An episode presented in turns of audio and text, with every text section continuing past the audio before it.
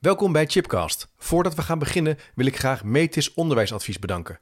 Metis werkt elke dag aan hun missie: excellent beroepsonderwijs voor iedereen.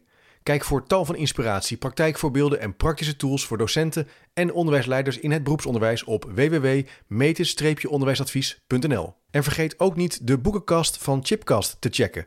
Op www.managementboek.nl/slash chipcast vind je alle boeken die in de podcastgesprekken voorbij komen. Welkom bij een nieuwe aflevering van Chipcast, een podcastserie waarin ik op zoek ga naar verrassende antwoorden en nieuwe perspectieven op vragen die mij bezighouden. En leuk dat je luistert naar een nieuwe aflevering. Vandaag gaan we het hebben over de vraag: wat hebben we vandaag de dag nog aan gelijke kansen? En hierover ga ik in gesprek met Kees Fuik. Hoi Kees, leuk dat je er bent. Um, Dankjewel. Voor degene die jou nog niet kennen, je bent uh, tot eind 2017 universitair hoofddocent aan de faculteit Geestenwetenschappen van de Universiteit Utrecht geweest. Je schrijver van onder meer Het Menselijk Teveel en over de kunst van het leven en de waarde van kunst. En je hebt het boek geschreven Oude en Nieuwe Ongelijkheid over het failliet van het verheffingsideaal. Een filosofieboek dat de Socrates Wisselbeker won voor het meest urgente filosofieboek in 2017. En eigenlijk is dit boek de aanleiding geweest om jou eens heel brutaal een mailtje te sturen. Of okay. je met mij hierover in gesprek wilde gaan. Het is een ontzettend boeiend boek. Uh, ook wel een uh, confronterend boek. En over dat boek gaan we het hebben in deze podcast. Oké, okay, graag. Ja.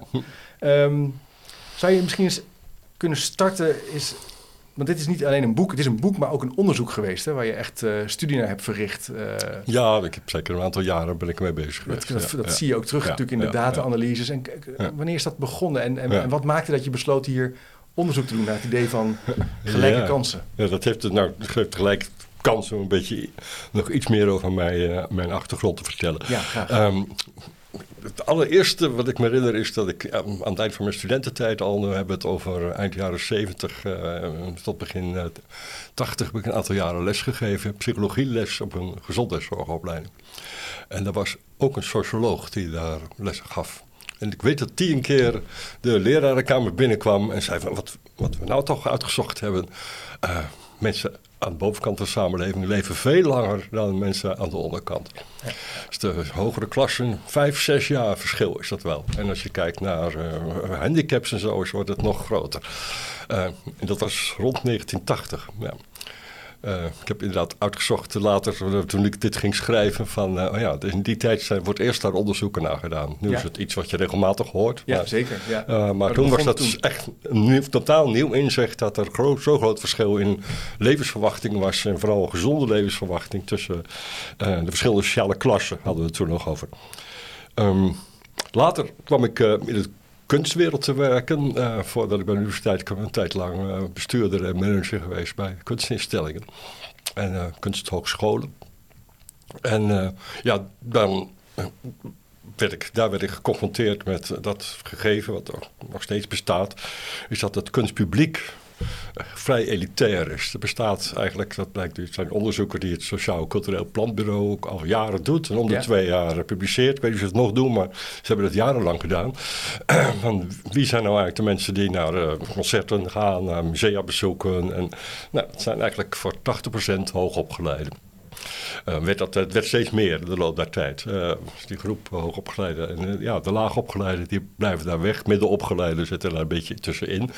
Eh, maar dominante groep van vooral voor de gesubsidieerde kunst. En dat was natuurlijk voor mensen die kunstinstellingen managen. Is dat belangrijk dat die overheid ja. ook, eh, zeg maar, eh, ja, die overheid die wil ook dat het voor, voor iedereen toegankelijk is. Dat is een duidelijk belangrijke beleidslijn. Dus het is toch altijd een, een wrang punt als je je daar aan het werk bent, van je zegt van ja, ons publiek blijft maar klein en hoe kunnen we dat nou uitbreiden? En, maar mij begon ook te interesseren van hoe zit dat nou toch eigenlijk? Wat, wat is nou eigenlijk? Waarom is dat nou zo?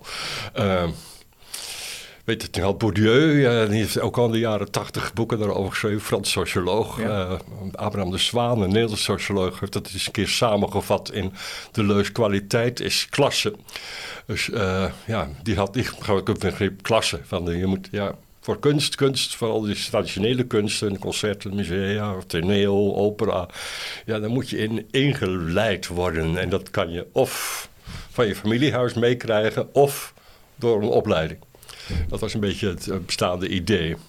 Uh, dat herkende ik wel een beetje, maar tegelijkertijd als ik naar mezelf kijk, denk ik, ja, Ik heb eigenlijk nooit opleiding, nooit les gehad, volgens mij, die, al die opleidingen die ik gedaan heb in kunst kijken. Ik ben het gewoon op een gegeven moment leuk gaan vinden. Ja, en je familie En, eh, niet? de of familie ook, ook niet. Nee, Nee. de familie, nee, nee, gewoon Nee. maar amateurcircuit. ingeleid in de kunst zoals... ja, ja nee. het was echt pas toen ik student werd in de grote stad kwam wonen. Dat ook heel geleidelijk dat steeds meer een onderdeel van mijn leven begon te worden. Dus ik denk van ja, opleiding is dan toch een, een gammele verklaring. Ik zie wel dat het vooral hoogopgeleiden zijn, ook in mijn eigen omgeving. Mensen die gaan.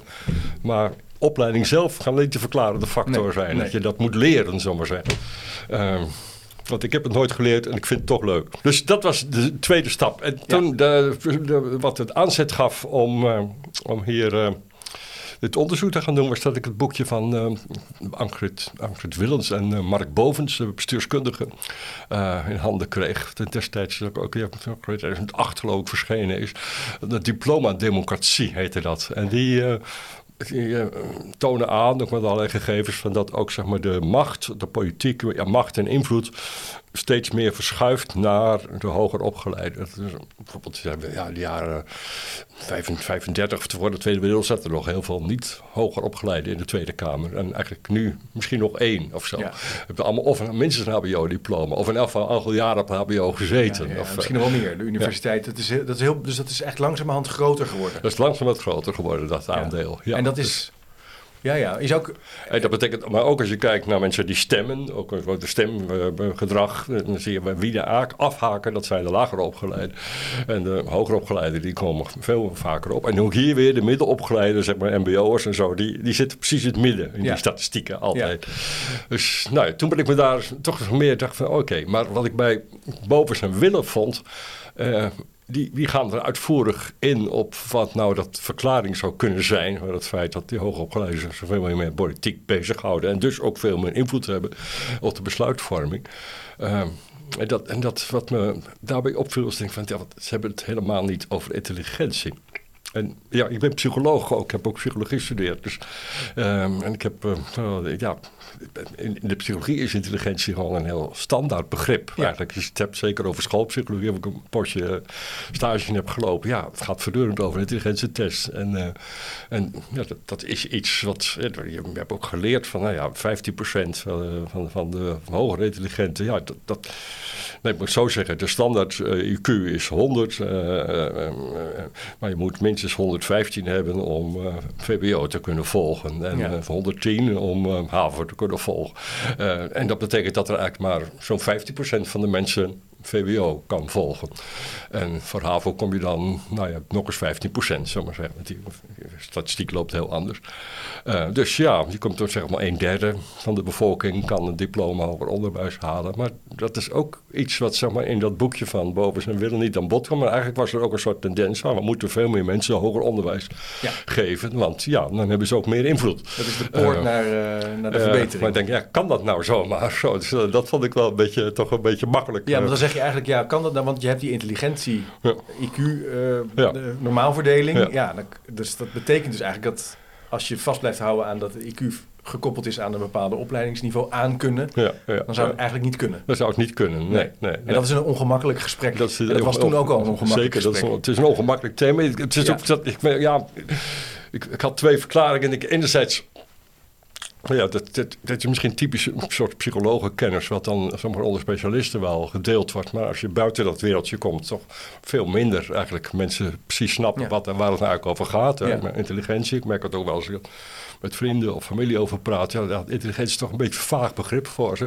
Voor psychologen is het vrij precies gedefinieerd. Ja, Eh, en, eh, en een ander ding is dat, eh, dat veel van dit onderzoek eh, wordt altijd gedaan met een soort beleidsintentie. Dus van, ja, met, met de vraag van, van ja, hoe kunnen we op die manier beleid eh, opzetten? Hoe kunnen we zorgen dat, dat, eh, dat we dat, dat we die gaan sturen, zeg maar, wat, wat met die verschillen doen. Ja, en iets als intelligentie is eigenlijk niet te sturen. Dat is gewoon een gegeven.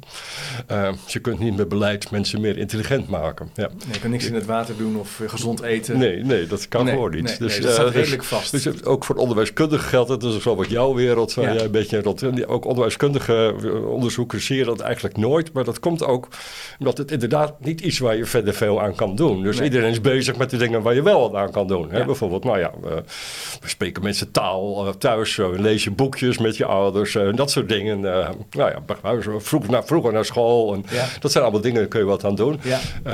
maar maar toch was, er dus, toch was er dus wel een soort beweging. We moeten meer mensen richting dat hoger onderwijs zien te krijgen. Zeker, dat zou goed ja, zijn ja, ja, Nou ja, was in die tijd was eigenlijk, we begin van deze eeuw is dat ik nog zo heet, de Bologna-verklaring. Of, of ja. de EU heeft het tegen doelen gesteld dat 50% van, alle, van de bevolking moest daar hoger opgeleid worden, ja. vond men.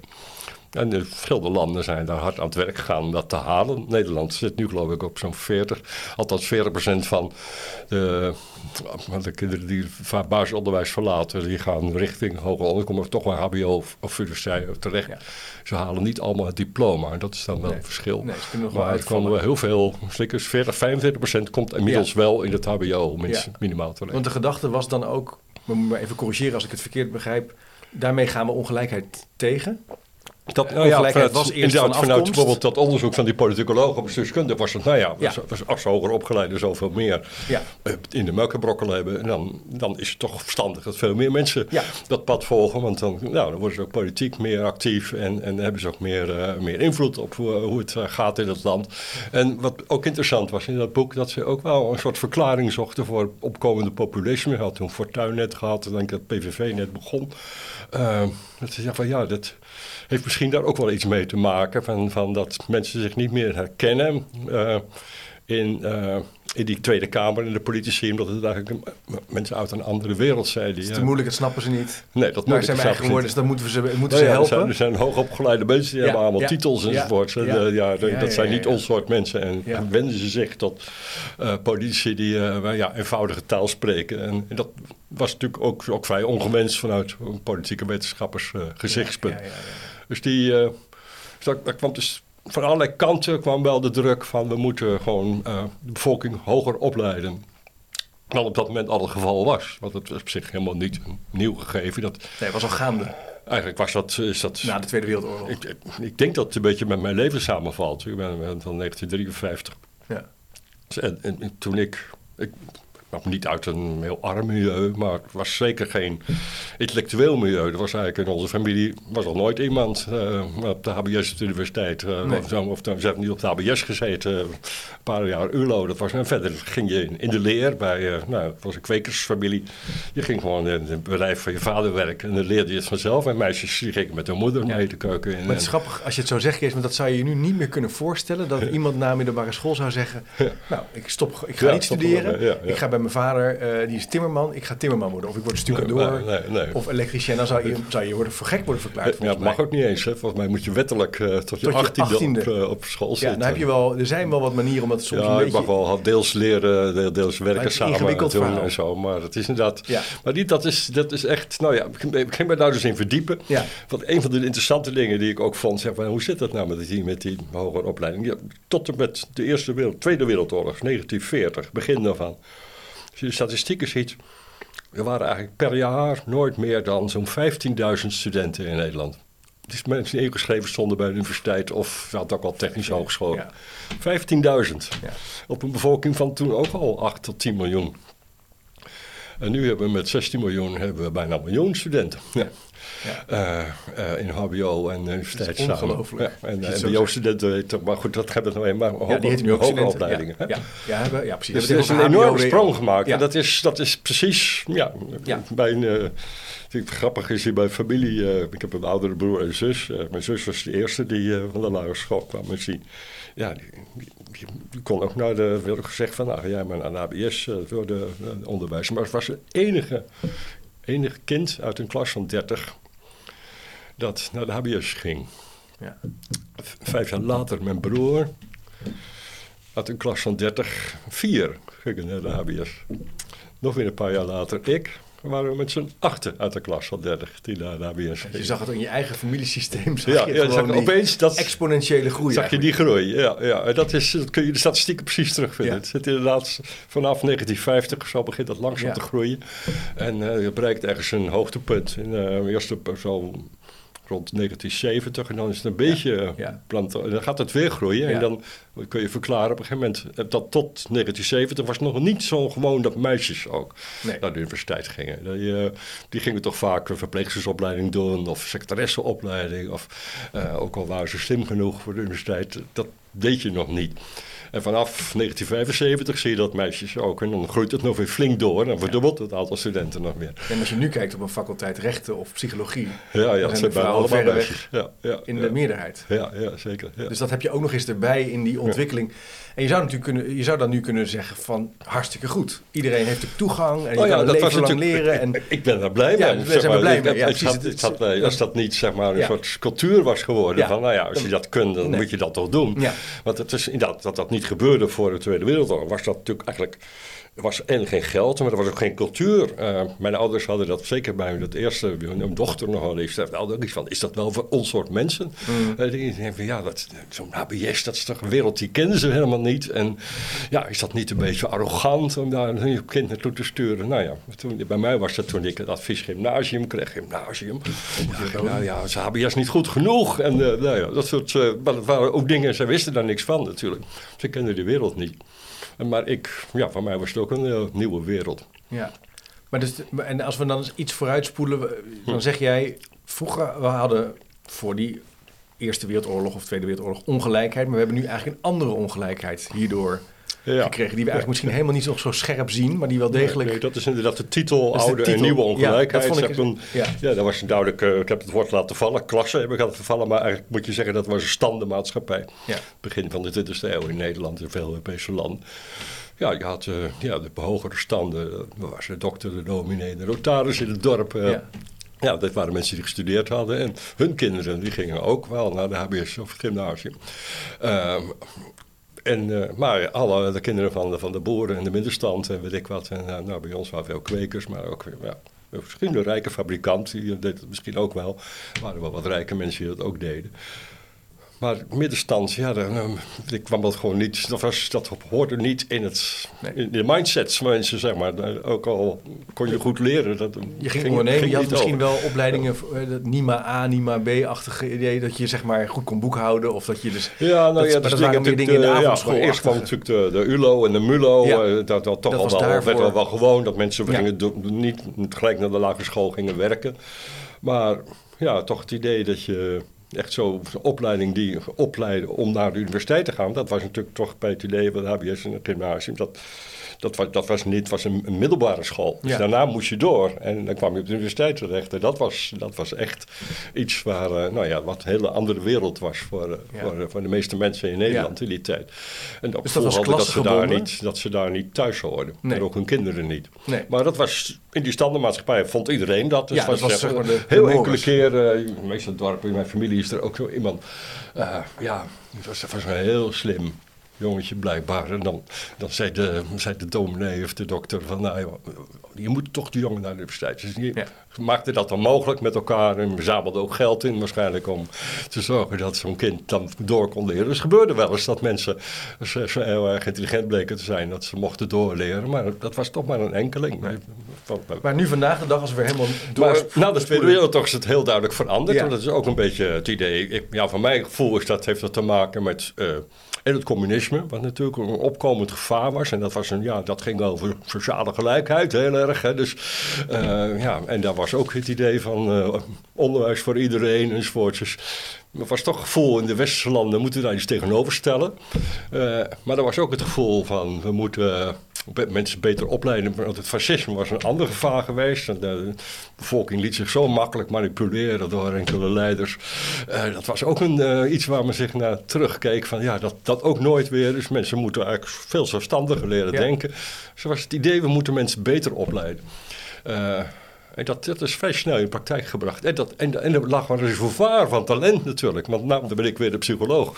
15% van de bevolking heeft sowieso het talent om universitaire opleiding te volgen. Er kon nog heel veel bij. Dus de, ja, er waren er maar 15 15.000 eh, te- voor de Tweede Wereldoorlog. Ja, ja, ja, ja. Het, het partieel was ongetwijfeld wel iets van 120, 150.000.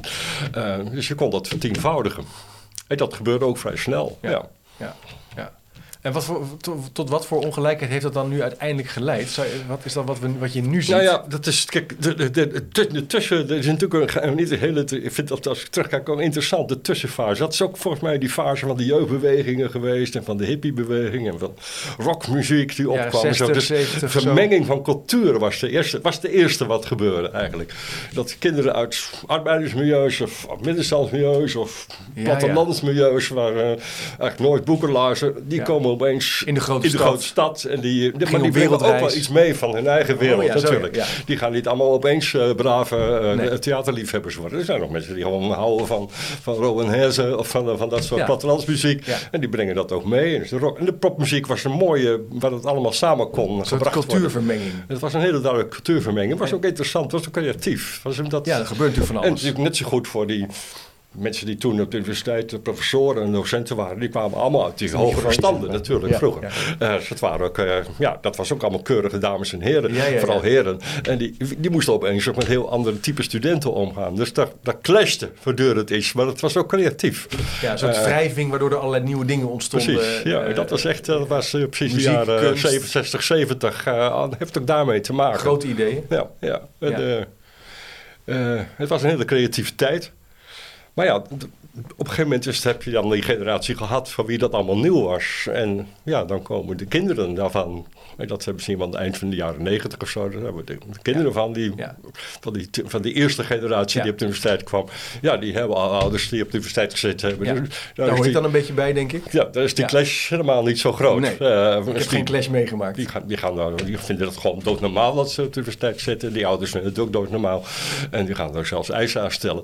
Ja. Eh, of eerder al met, eh, met de VBO en eh, Ja. ja. die scholen, dat zien we nu. Dus, mijn ouders druk. zich daar hevig mee. En, Ja, dus eigenlijk zeg je vanaf de jaren negentig ontstond er een grotere druk bij die eerste generatie Ja. hoogopgeleide mensen. Van mijn kinderen, die moeten ook naar de die moeten ook, universiteit. ja, ja precies, naar een die moeten ook kunnen. Ja, zeker. Echt Ja. een dus eh, eh, kenniswerker worden, Ja. iets, echt, iets bijzonders kunnen. Dus dan, maar dan zie je dat het dus, zeg maar, in plaats van een nieuwe voorhoede in de cultuur, wordt het een gezettelde groep van mensen. Ja. Ja, zeg maar, ja, wij gaan, de, je kunt ook zeggen, onze gevestigde belangen van, wij zijn hoogopgeleide, we hebben managersfuncties allemaal, Ja. ambtenaren. eh, Ja. eh, ja, wij, wij, we rule this country, kun je zeggen. Ja, dat was toch ook een beetje van die... het managementdenken Dat was de, de groep, eh, de, groep die, die, die wel de leidinggevende functies Ja. inge- ingenomen had. En het was natuurlijk geweldig. Het was op zich natuurlijk een heel erg emancipatie gebeuren. Het was Ja. hartstikke leuk dat dat kon. Dat het opeens uit mensen uit milieus waar dat nooit gekund had, konden opeens ergens directeur van iets worden. Of een hoge ambtenaar. Ja, of ja. Ja. advocaat. Of nou ja. äh, maar goed, vervolgens, eh, de volgende generatie dan, ik zeg al, ja, dan, dan begint dat toch eigenlijk een soort gevestigd belang te worden, wat mensen ook weer gaan verdedigen. Ja. Inderdaad, je zegt het al, mijn kinderen moeten ook, die moeten niet minder dan ik, dus die moeten ook minstens dat niveau Ja, halen. die druk is misschien veel groter geworden. Die van- druk van- is groter van geworden. de ouders Die- van nu. Dat zien we nog steeds eigenlijk. Dat wordt nu veel over gepraat. Maar ook Ja. daar worden de achtergronden een beetje van versluierd, heb ik de indruk. Eh, het is toch echt ook wel een, een druk die vanuit ouders komt. En ja, er zit nog een, zit nog een stap tussen. Die ik Mhm, in, in het boek ook erg, erg smaakt. Misschien niet al te veel aandacht aan schenk. Maar wel heel belangrijk is, denk ik. Ehm, is ook een fase, dat is eigenlijk die fase, die eerste fase gaan de meisjes nog niet hogere opleidingen volgen. Eh, en dan zie je nog dat hoogopgeleide jongens trouwen met meisjes waarvan we niet weten wat precies, ja, we weten het dan een beetje, maar dat doet het er eigenlijk nog niet toe. Nee. Maar in deze generatie gaan we dan, opeens voor je dan meisjes ook naar de universiteit gaan. Die meisjes, vooral die meisjes, die willen niet meer met een lager opgeleide jongen trouwen. Die willen alleen nog met hoger opgeleide jongens trouwen. Ja. En Oh, die ja. zo kinderen krijgen. En dan denk ik weer, weer een psycholoog in mij. We weten dat intelligentie erfelijk is. Hoe, hoe zwaar, dat weten we niet precies. Sommigen zeggen 50, sommigen zeggen wat meer procent. Maar goed, laten we het op de helft houden. Eh, dan nog is dat natuurlijk een behoorlijke sturende factor. Dus Ja. De kans dat twee hoog, hoogopgeleide ouders ook samen weer- ook weer kinderen Ja. krijgen die dat kunnen En anders plussen ze het wel bij is- met bijles. Is vaak- vrij groot. Ja. Dat zien we ook. En, en tegelijkertijd de andere kant natuurlijk ook. Je ziet ook, je ziet ook en dat is natuurlijk de, de, de keerzijde, daar gaan we het zo nog over hebben. Dus die, de, je ziet aan de ene kant dus een, een groep een kleine elite ontstaan van mensen die allemaal goed opgeleid zijn, die ook elkaar allemaal opzoeken, onderling gaan trouwen, en voor hun kinderen ook gaan zorgen. Ja, dat slimme die ook kinderen weer eh. Ja. slimme kinderen krijgen, maar die kinderen moeten ook per se presteren. Precies, hoge ja, prestatiedruk. Ze mogen zeker niet minder dan hun ouders. Een grotere groep. Maar je ziet dus ook de groep die daar niet in zit. En dan is er een grote groep die daar buiten valt. Precies, En, dat is bijna dat is meer dan de helft. Ja, ja, ja, ja. En die zitten eigenlijk... Waar, waar zitten die? die, die Daar zitten die. Nou ja, die, die hebben geen toegang tot die, ja. Tot die wereld. Ik maak even bewust het verschil. Het is in Die elk geval er tot nog toe heel weinig aandacht voor geweest. weinig aandacht voor. Alle aandacht ging toch naar die beleid van we moeten zo'n hoog op, mogelijk opgeleide Ja. bevolking krijgen. Ja. Dat was ook, was ook gestuurd, werd gestuurd, er was beslist was dat nodig. Het was ook, was ook goed in eerste Ja. aandacht. Maar er, er zit een schaduwkant aan. Ja, maar er zit een schaduwkant aan. Ik, je, je, je ziet bijvoorbeeld, ik heb hem heel simpel gegeven. Eh, het moment dat, nou ja, eh, eh, eh, zeg maar, als, er- als de universiteiten ingericht waren op 15.000 studenten jaarlijks. Ja, opeens komen er 100.000 studenten Ja. die zich melden. Volgend jaar 150, drie jaar later 500. Eh, de universiteiten moesten groeien als kool. Dat was, in mijn tijd was dat ook zo. Als je afgestudeerd was, kon je onmiddellijk universitair docent worden. Ja. Eh hoefde niks verder gedaan te Er hebben. was veel vraag, veel, Want er was een enorme vraag naar, naar personeel. Gewoon mensen die moesten, de kinderen moesten onderwijs krijgen. Middelbare scholen, idem dito. Je kon er zo aan de slag. Eh, en dat was enerzijds stuk, ja, het was, de selectie was niet erg groot. Didactische kwaliteit hoefde je niet te hebben. En je, kreeg een behoorlijk hoog onder, eh, salaris ook gelijk. Want eh, pas later zijn die salarissen gedaald. Maar het idee, in het begin was zo'n hoger salaris. Mensen hadden, hadden onmiddellijk een geweldige baan. Ja. Eh, maar dat veranderen ze ook nooit meer. Hè? Dus die, Nee, eh, die nee. zijn eh, van die types van generatie die vanaf hun eh 25e nooit meer de universiteit verlaten hebben. En eh, altijd dat ze blijven hangen. Tot maar als je nu eh, op een, nou, ik heb het al eens eerder in een podcast gezegd, als je nu bij de UvA is eh, overdag over de campus loopt, het is ontzettend druk. Hè? Het, is, het is echt mega groot. Ja, in Rotterdam of bij de hogeschool in Holland, dat zijn echt wel niet, we hebben niet over honderden studenten die uit de metro komen. Daar komen gewoon duizenden studenten uit. en ook nog een grote groep internationaal die daar nog eens bij komen. Eh, en iedereen wil, eh, iedereen wil dus in die groep, Ja, iedereen ja, wil meedoen. ja. Maar, wat ik, waar ik naartoe wou, even iets anders. Want dan, dat groei, die groei van die scholen en de universiteiten, dat was natuurlijk ook een beleidsprobleem. Hè. Dat moest natuurlijk, en mensen, en ook geld, gebouwen. Dus, dus heel veel overheidsgeld ging zitten in uitbreiding van middelbaar onderwijs. Toen, eh, hervorming van middelonderwijs, kregen we de mammoetwet, HAVO, VWO, allemaal pogingen om die grote stroom een beetje in goede banen te leiden. Maar Laatst zag ik een, in Duitsland een statistiekje, dat was eh, Duitse televisie, dat ging over hetzelfde probleem. Maar die- natuurlijk die groei van het aantal studenten of aantal leerlingen dat naar, eh, naar eh, ja, voortgezet eh, VWO en HAVO gaat, die gaat gepaard met een daling van het aantal leerlingen dat naar beroepsopleidingen Ja. ging. Dus ja, er ging ook dus, dat gaf dus ook een, voor beleidsmakers eh, dat, dat ze hun financiële middelen moesten eh, eh, anders verdelen. Dus Ja. ging veel meer naar de hogere vormen van onderwijs. en veel minder. Terwijl die werd eigenlijk weggehaald voortdurend bij die lagere vormen van Ja, beroepsvormen, ja, eh, beroepsvoorbereidend Dus onderwijs. daar vormt eigenlijk, daar vormt- er was eigenlijk sprake van een verarming van zowel, de faciliteiten als de kwaliteit van Precies. docenten. Dat is denk, Maar nog, steeds, nog steeds een nog beetje steeds, het is, ja, moet zeggen, ik heb laatst nog eens een keer een lezing over dit onderwerp gehouden. En na afloop was er een moeder die, eh, die heel boos begon te praten. Niet tegen mij, maar, eh, maar gewoon over dit gegeven. Ik heb twee kinderen. Eén zit op VWO en dat is op VMBO. En ja, die VWO is best goed geregeld. De VMBO is echt een schande. is alles zo slecht geregeld. Er gaat helemaal geen geld naartoe. Eh dat zal niet voor elke VMBO-school gelden Nee. hoor. Het zijn vast goede scholen, dat Nee, zeker, maar, zeker. maar, maar Maar- het, u snapt, past in dit verhaal Ja. dat zeg maar, Ja. ja, dat Ja, wat ik bij een ander punt VMBO hier- wordt er eigenlijk is jarenlang geld weggehaald, Ja. denk ik. Naar Eh, dat, naar dat om te verhogen van zorgen het te over... kunnen dat Ja. die stroom naar, eh, naar Ja. hoger onderwijs. Ja. Ja. Een ander punt wat daar misschien, maar dat is mijn eigen invulling, wat je ook ziet hier, is dat daar is natuurlijk ook een hoger opgeleide taal en cultuur aan, aan het ontstaan. Hè? De, de- de- waar ook veel aandacht is voor duurzaamheid, voor maatschappelijk verantwoord Hm. ondernemen, internationalisering, eh, typische woorden. En ik snap dat ook wel in de politiek, daar wordt het ook gebezigd, waar Hm. weer die groep die daar dus niet in zit, die krijgt dan het verwijt dat ze niet duurzaam zijn, Ja, eh, ja, dat ze kiloknallers ja, kopen. Terwijl die misschien een heel andere taalbeleving hebben, Ja. opvatting hebben Ja, en ja. ook helemaal niet meedoen in die wereld. En dus vervreemding, nou ja, kijk naar de eh, recente Nou ja, is, het, is, het is heel duidelijk dat. Is dat, dat- en dat, zijn, geen, dat, zijn, dat is niet gestuurd. Hè? Dat is nog nooit. Nee, nee, nee, nee, gestuurd, maar dat echt niet gewild. maar je ziet dat die groepen uit elkaar gaan lopen. Ja. Eh, Ja. En dat is eigenlijk, maar is dat, dat is eigenlijk wat dat is eigenlijk mijn, wat ik, mijn, punt, zeg maar. dus, eh, dus, ja, heel spannend Er is eigenlijk een nieuw soort ongelijkheid ontstaan, namelijk gebaseerd op opleiding. En, dat heeft als gevolg dat Ja. Hoger en lager opgeleiden, maar dat uit elkaar zijn gaan lopen. Maar Kees, ik en dat je is een ander soort verschil dan die, die standsverschil. Ja, ik wil je nog een vraag over stellen. Want eh, die, je, je stelt in zekere zin dat daar dus voor me sprake is van een soort elite-achtige... die dus een eigen cultuur heeft, zijn eigen Hm. activiteiten. En, en in zekere zin een gesloten gemeenschap... Hm. Ge- ge- gemeenschappen zijn geworden. Maar was dat niet altijd al zo? Was het ook niet in, in Rome vroeger dat je dan had je de hele rijke mensen... en je gewoon de mensen die de slaven... Was, er zijn altijd elites geweest. Het was natuurlijk veel erger op zich. Als je naar de Of was- 19e eeuw kijkt, was het natuurlijk ja, was maar een heel klein groepje mensen eh, wat eh, de macht en het geld in handen had. Ja. En pakweg 80, 90 procent van de mensen, ja, die moesten, nou ja, sappelen om te overleven. Eh worden allemaal bij de, bij de arbeidersklasse eh, of, of eh, ja, toch heel, ja, ook op land, allemaal landarbeiders. Ja. Ehm, dus die, en de verschillen waren nog veel groter, denk ik, ook in, zeg Ja. maar, in levensstijl en Ja. zo. Maar er zijn wel twee dingen die belangrijk zijn. Het eerste, dat was toen veel sterker, het hoort bij die standaardmaatschappij, dat was het idee van, nou ja, zo is het nou eenmaal. Ja, je, hebt dat Ja. niet te kiezen, je bent ergens Ja. geboren en dat is je leven. En voor veel van gelovige mensen was dat nog, nou ja, zo heeft God dat gewild. Ja. Eh, dat was toch eigenlijk in het algemeen, dat was Dat moet je dragen. die, die erin geloofden dat misschien echt te heftig, maar het was toch het idee van, nou ja, zo zit het in elkaar, de wereld. En dat maakt het iets makkelijker te dragen, denk ik.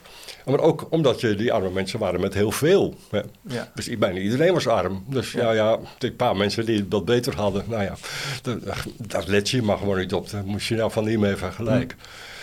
Maar op het moment dat je natuurlijk verschuivingen ziet, je ziet dat een hele grote groep mensen opeens het veel beter gaat krijgen. En ook veel meer een grotere mond gaat hebben en overal eh, praatjes over hebt en eh, allemaal invloed eh, wil krijgen. En de baas gaat spelen op het werk enzovoort. En omdat ze allemaal goed opgeleid zijn. Dan is toch dat achterblijven wordt steeds pijnlijker. Ja. Ja. Het is niet erg als je maar 9 van de 10 bij 9 van de 10 hoort. Ja, eh, maar als je als het een beetje een tweedeling wordt. En één in de tweede ja, groep ja. die gaat het beter krijgen. En de andere groep die blijft, ja. Raakt Ik geïsoleerd. zeg, niet, kan zeg, niet dat mensen in de middenklasse, uh, met een hoger opleiding, er zijn ook hoop mensen bij die het goed hebben hoor in Nederland, gelukkig.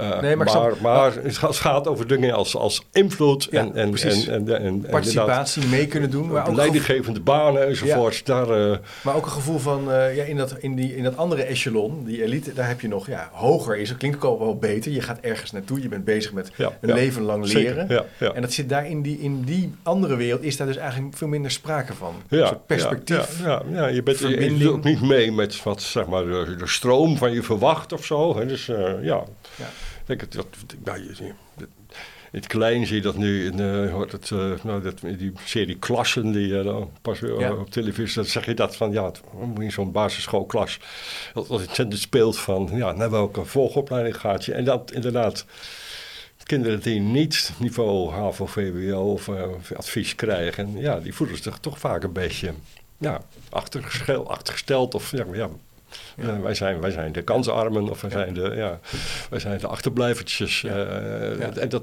komt, het is, ja, het komt er pijnlijk aan. maar- En dat komt omdat het geheel natuurlijk weer samenhangt met een soort cultuur van maakbaarheid. Ja. Van, uh, ja. Ja. dus die hogere opleiding is ook het idee van, nou ja, je, je geeft je eigen leven vorm. Ja. Dat, uh, Hard zeggen werken. tegen en- de Amerikanen zeggen, ja, eh, je kunt alles worden, zeg ik Ja. eh, ouders tegen hun kinderen tegenwoordig. Als je maar je best doet. Eh, Maar terwijl vro- vroeger werd er dus gezegd, nou, jij komt dus uit een boerengezin of je komt uit een timmermansgezin. Daarin ga je, dat is de plek waar je in een gilde opgeleid gaat worden. Dat is ook de plek waar je vriendschappen opbouwt, waar je mensen ontmoet, waar je je netwerken onderhoudt. En dat is eigenlijk, in die zin zit ik te denken, maar goed, ik trek misschien allerlei parallellen die jij nog niet trekt. Hoor, van de, het punt van, doen mensen nog, eh, zijn mensen nog actief in de wijk of in de, in de, bij een gemeente? Of eh, Ja, zijn er dat soort dingen? Kan dat nog? Ook als je, ja, het kan voor de hoogopgeleide, eh carrièregerichte ja, bewuste burger. Nou ja, maar ja. een grote groep zal zich dus daar helemaal niet toe Het kunnen heeft, verhouden. heeft, veel, heeft heel veel invloed gehad. Ook allemaal, zeg maar, allemaal neveneffecten die eh, van tevoren echt niet eh, zijn voorzien. en die nu pas een beetje duidelijk worden, denk ik. Een van de dingen is bijvoorbeeld dat... eh, ja, wat nu wel heel erg speelt, dat verschil tussen stad en platteland. Ja, als je hoger opleiding, hoger opleiding krijg je in de, sta- in de steden. Dat eh, krijg je Ja. niet in het dorp. Dus je moet sowieso al middelbare school. Dat is misschien wel, denk ik, veel, redelijk verspreid door het land. Maar als je een hbo of universiteit wil, ja, dan zie je dat heel veel stad, 18, eh, 19-jarigen allemaal naar eh, grote, een paar steden vertrekken. Ja, waarom is dat erg? Groningen. Eh, hm? Waarom is dat erg? Waarom is dat echt? Ze keren niet meer terug. Ja.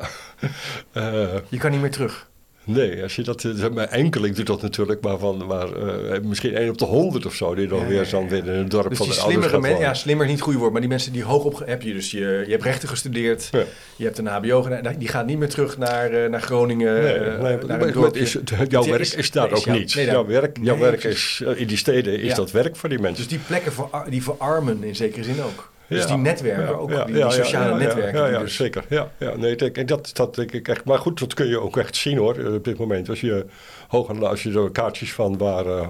eh, van opleiding verdeeld over het land. Ja, dat is in Oost-Groningen, het is in Noord-Limburg. Het zijn ook de bolwerken van de PVV, het zijn ook de bolwerken van de BBB. Ehm, het valt naadloos met elkaar samen als je erin verdiept. Ja. Eh, en dat, zijn, dat zijn inderdaad ook mensen die, denk ik, ook terecht, denk ik, voelen van ja, wij blijven achter. Ja, Eh, wij doen niet mee. de, de slimme En kinderen uit onze gemeenschap gaan weg, maar dommere Dat- kinderen precies. niet. Hè, die, die blijven Ja. daar wel met hun Ja. ouders wonen. Die gaan met een bedrijf misschien En over. niemand bekommert zich om ons. Het zijn allemaal Ja. Ook, hoogopgeleide woorden. Hè? In die precies. bubbel Ja, zijn ja, dat allemaal prachtige woorden. We moeten eh, met stikstofdingen waarvan zij zeggen, ja. Waar, kom, waar kom je nou mee aan? Hè? Ja, ja. Maar ja, mijn bedrijf intussen, dat eh, mag ik dan niet voortzetten. En dat is wel, ja. Maar dat, Dus mijn verheffing, mijn verheffingsideaal, kan, ik kan dat niet doen. Omdat iemand anders... Iemand anders nou met een verhaal wat ik toch eigenlijk niet echt helemaal vertrouw. Nee. eh, en en zegt ze- dat blokkeer ik. Zit er dan ook een punt in dat ze ook elkaar letterlijk niet meer kunnen verstaan? Of niet meer in elkaars wereld komen? Dus dat je als het ware... Het is wel zo, ja. Het is, ook dat beschrijf ik ook een beetje Ja. biografisch. het- het- het- heel veel mensen die me op aan het boek aanspreken zeggen, dat herken ik ook wel. Van op het moment, ja, toen ik ging studeren, ik zei al, het was, het was niet een heel eh, arm achtergesteld milieu hoor. Het was best eh, redelijk wat geld, maar, maar er was geen intellectuele cultuur. Maar als je dan, nou, als die student terugkwam in het weekend of zo, ja, dan werd steeds minder makkelijk om met je ouders nog te praten. Ze hadden geen idee wat ik deed in Ja. de stad. Ja, ja, ja. Eh, ik had intussen, ging intussen eh, ja, eh, andere kranten lezen. Ik, eh, ik had niet, hield niet meer van dezelfde televisieprogramma's als zij. Ja, je ziet Eh, nieuwe dingen. Wa- ja, Ja. die dingen waar zij het over hadden van de televisieprogramma's die mijn moeder leuk vond, toen dacht ik, dat zei me helemaal niks. Eh, dus waar moet je het dan nog over hebben? Dus er komt een soort, het, was, het is ook, veel mensen hebben ook, is het ook pijnlijk geweest, dat proces. Eh, van zich, ik, ik, heb wat boeken gelezen, zijn boeken over mensen die echt uit arbeidersmilieus kwamen en naar de universiteit gegaan zijn. En daar is dat ook hele, hele schrijnende verhalen staan daar soms in. Ik moet even denken aan de avonden bijvoorbeeld. Even dat boek. Dus ja, ook zeker hier- ook een boek die ook een beetje die cultuur Die weergeeft. cultuur van, dat eh, ja. totale, ja. Ja. die twee werelden van die ouders die Ja, alleen maar op de bank zitten en die jongen die op het nog-. Nou, die communistische ouders, die- zeker die vader was denk ik niet helemaal niet zo dom hoor. Die was ook wel goed eh, belezen, maar, Nee, dat is het waar. wel, trouwens, dat is waar, eh, maar toch, maar die wereld botsen, die cultuur. Ja, de jongere cultuur was sowieso natuurlijk anders na de Tweede Wereldoorlog al snel. Maar het had ook erg met die opleiding te maken, waardoor Maar deze andere, wat ik kinderen in andere milieus terechtkwamen en Ja. zich ook moesten oriënteren op andere soort culturele werelden. Ik Ja. vind het dus fascinerend, want Hm. eh, dus misschien zal ik allerlei vragen stellen. Nou, laten we het een beetje exploreren. Want bijvoorbeeld een huis kopen is ook steeds ingewikkelder aan het worden. Daar moet je dus ook heel hoog opgeleid, ja, Ja, of in ieder geval nou ja, heel veel ja. geld voor meebrengen. Eh, dus die, daar zit, in die bubbel zitten, zitten daar, ja, de, die hele elite, die hebben huizen, die Hm, hebben een koophuis ja, en die ja. hebben een, een zaak en die kunnen een elektrische auto rijden en dat, Hm. een leaseauto. Nou, dat kan allemaal. Maar als jij ehm, nou ja, een mbo elektrotechniek eh, opleiding, dan moet je eh, veel geld meenemen. En je Ja, partner is bijvoorbeeld werkt in de zorg. Of is verzorgende, noem maar even wat. Kan je geen huis kopen. Nee, Als jij in Rotterdam werkt, kan je gewoon vergeten. Nee, dat is, dat is, dat is, ja, Terwijl je, als, terwijl je ook knijterhard werkt. ja, 50, 60 ja. uur per week. ja, zeker, ja. Dus dat, zit, dat verheffingsideaal is voor deze, deze groep vakmensen. eh, ja, dat is best een lastig verhaal natuurlijk. Ja, Als ja. perspectief. Waar we, ja. Hoe zie Nou je ja, dat is- dan? dit- dus als je het hebt over wat is nou het verschil tussen hoog en laag opgeleide. Dus ja, uiteindelijk zijn natuurlijk de hoogopgeleiden wel de betere banen gaan bezetten. Eh, maar als je nou nog verder kijkt, zeg ik, ja, is dat eigenlijk nog wel terecht? Eh, het was misschien leuk of, of Ja. terecht toen er maar heel weinig mensen waren. Maar nu, en veel, begint, veel studenten beginnen het een beetje te vermoeden in de universiteit, Ja, denk ik. wel eh, ja, als je nu op de universiteit zit, ja, dan ben je, kom je, dan ben je een van de velen. Eh, ook Ja, als je voor een Kees, baan meldt of zo. absoluut. Het is helemaal niet zo. Ik heb veel, zelf wel studenten zien, eh, heel veel studenten zelfs. Maar het was zo'n geesteswetenschappelijke opleiding, ja. Die begonnen denk ik op mbo-niveau ergens of zo. Die hadden heus Ja. niet gelijk een riante baan. Maar dat was natuurlijk, in die generatie daarvoor was dat nog wel zo. Ja, maar Het- Kees, een heel terecht punt. Op Twitter zag ik ook een, een luisteraar. Ja. Ik meende dat hij bij Siemens werkte of een ander bedrijf. Die zei, ja, we hebben enorme tekorten aan, aan mensen. Ja, ja. Eh, ik denk dat je beter verdient als je bij Siemens stage gaat lopen en gaat werken... dan dat je psychologie gaat studeren vandaag de dag. Nou ja, een van de, van de, van mijn perspectieven die ik heb wil, aan wat, dat, ik geloof niet dat ik dat in het boek zelf sterk heb uitgewerkt, maar als je nou zegt van, wat kun je hiermee? Ik van, ehm, ja, eh, het komt eigenlijk omdat veel, eh, veel mensen zeggen nu van, ja, we moeten niet meer over hoog en laag opgeleid hebben, we moeten over theoretisch en praktisch opgeleid hebben. Eh, Ja. Ik vind dat, ik hou niet zo van dat versluierende, ik denk Nee. het, is, eh, blijft wel degelijk. Hoog en laag, het gaat wel vaak toch echt, ja, iedereen blijft hoog en laag denken vervolgens. En het gaat ook dat er meer te vertellen en minder te vertellen, hoger inkomen, lager inkomen. Het gaat nog wel degelijk op, ook voor die tweedeling. Dus we moeten ook wel de dingen gewoon bij hun naam durven noemen. Net als over, ook over intelligentie als een talent moet durven hebben, zeggen we dat. Als je dat niet, eh, als je dat niet Ja. benoemt, dan kom je ook niet veel verder. Maar niettemin, er is wel een punt. Eh, en, en mijn, ik dacht van, wat gaf mij wel een gedachte van, oké, wat we eigenlijk gedaan hebben. eh, we zijn in de jaren 60, 70 eh, gezegd van, oké, we moeten veel meer mensen hoog opgeleid hebben. Ze hebben allemaal theoretische leerwegen opgestuurd. Dat klopt wel. HAVO, VWO zijn theoretische opleidingen. Eh, en dan is de beroepsopleiding, dat is de meer de praktische opleiding, de VMBO. Eh, en de vraag is, is of dat nou zo verstandig is, eerlijk gezegd. Hm. Hebben we wel zoveel theoretici nodig? Ja, misschien hadden we in de jaren zeventig echt een tekort aan theoretici. Maar of dat nog zo is, is zeer de vraag. En het is ook zeer de vraag of dat eigenlijk wel het leertalent van de meeste leerlingen ook op de universiteit nu is hoor. Ik Ja. heb natuurlijk poosje Ja. zelf les eh, op de universiteit rondgelopen. Ja, Er kijk, zitten het- ook een heleboel leerlingen die, nou ja, gewoon een beetje praktisch georiënteerd zijn. Dat En- heb je, en wat je bijvoorbeeld in het onderwijs ziet, er zijn wel mensen die zeggen er is helemaal niet sprake van een lerarentekort. Er zijn heel veel mensen in het onderwijs die niet voor de klas staan. Dus wat je ook krijgt zijn allerlei hoogopgeleide mensen die allerlei dingen om onderwijs heen doen. ja, ja, En eh, geen les geven, geen college geven, of niet voor geen economie of geen biologie, maar ja, allerlei andere allerlei rollen. dingen doen. Ja, en die vinden dat hartstikke belangrijk en Iets, leuk. en iets in de marketing waarschijnlijk, of communicatie. Of, ja. ja, of, eh, Ja. wijkambassadeur, of, eh, eh, netwerk, bruggenbouwer, maken, ja. precies, dan, heb, daar ga je al. Ik doe er nog zelf aan mee ook. Nou ja, En hoe- en hoe zit- dus- Maar, Dus die, ja, die toegang. dus die, maar, we ja, hebben dan dus- een manier we hoe hebben, je... we hebben inderdaad mensen die die vakopleidingen hebben een tijd lang verwaarloosd. zijn net al ook vanwege die stroom. En nu, is dat, nu keert ze dat tegen ons, denk ik. Op, op verschillende manieren. Enerzijds hebben we gewoon mensen die met hun handen werken... hebben ontzettend hard nodig, eh, blijkt. Eh, en ja, iemand als je eenmaal op de VWO gezeten hebt... dan doe je dat niet zo gauw meer. Eh, ik heb een poosje in de kunstonderwijs gewerkt. Dat is ook wel een belangrijke ervaring geweest. Daar, daar kom je ze wel tegen. Daar kom je VWO-meisjes tegen die gewoon keramiek, die gaan Ja, ze met hun handen in de klei zetten. Of jongens die willen timmeren en lassen. Eh, maar verder kom je ze niet zoveel tegen. Nee. Eh, en dat is ook een beetje jammer eigenlijk. Want waarom zou je niet gewoon ook intelligente vakmensen hebben? We hebben nu ook een beetje dat een vakopleiding, dat is voor de minder Ik denk intelligente. dat het gewoon met inkomen te maken En, heeft. ja, het heeft met inkomen te maken. Dus dat moeten we echt recht trekken, denk ja, ik. dat Ja. moeten we gewoon recht. Maar het is dus niet, want ik heb het er eerder al een keer gezegd, maar het is dus niet, het is echt aan het veranderen. Ik heb eerder al eens verteld over als je nu toezicht of als je ja, veiligheidsmedewerker niveau MBO niveau 3 Oh ja. Of je gaat, eh, dan kan je 90 à 100 euro eh, als ZZP'er vragen per uur. Als je het goed doet, 80, 90 euro. Nou, ja, dat is- ZZP'er, maar ja, dan verpleegkundige ZZP'er kun je veel meer vragen dan ja, en eh, dan kan je wanneer je dus- je gewoon sparen en een dan CAO-loon krijgt. ja, maar dat is dus wel echt heel significant meer dan een, Ja, een bedrijfskundige ja, ja, masterstudent. ja. Nou ja, het, is in en gelukkig is het aan het veranderen. Dat is een van de dingen die Ja. ik denk positief is. en dat zal uiteindelijk ook zijn effect hebben. Ja. Want het is ook een beetje jammer dat, ik zei al, het is, vind het ook jammer dat nou, of het over intelligentie, hoger, lager, intelligent, dat het ook verdeeld is over vakopleiding of theoretische Ja, opleiding. dat is gewoon zijn, zonde. er zijn ook vakmensen die, intelligente vakmensen hebben we net zo goed nodig. En, en in die theoretische hoek ook mensen die met, nee, of in die hogere hoek, mensen die met de handen werken. Dat, ja, dat, Ja. dat kan heel goed. Maar Kees, ik denk dat je met dit, dit boek, maar ook deze podcast, ook het belang aantoont om hierover met elkaar in heldere taal te spreken en te praten. En durven uit te spreken ook waar onderliggende opvattingen ook op zijn gebaseerd. En hoe je eigenlijk keuzes maakt. En op die manier eigenlijk proberen toch, nou ja, dat punt van gelijkheid, ongelijkheid te Hm. doorbreken. Ja. Dus leuk om met je over in gesprek te gaan. Ehm, erg interessant.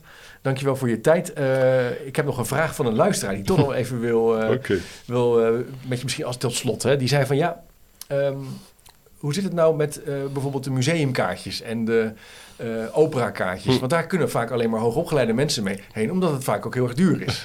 Ja. Eh, hoe kijkt hij daar nou tegenaan? Ik vond het toch wel een grappige vraag. Ook als, omdat je ook een relatie legt met Nou ja, cultuur en met creativiteit. ja, mijn eerste reactie zijn van, eh, maar hoe kijk je naar voetbalkaartjes of eh, kaartjes voor popfestivals? ja, of, Lowlands. die zijn ook hartstikke duur. En drinken is daar ook heel duur. Ja, precies. en ik, ja, ik ben zelf wel iemand die regelmatig is naar een concert of thea- theater. Een tijd lang mijn hobby geweest.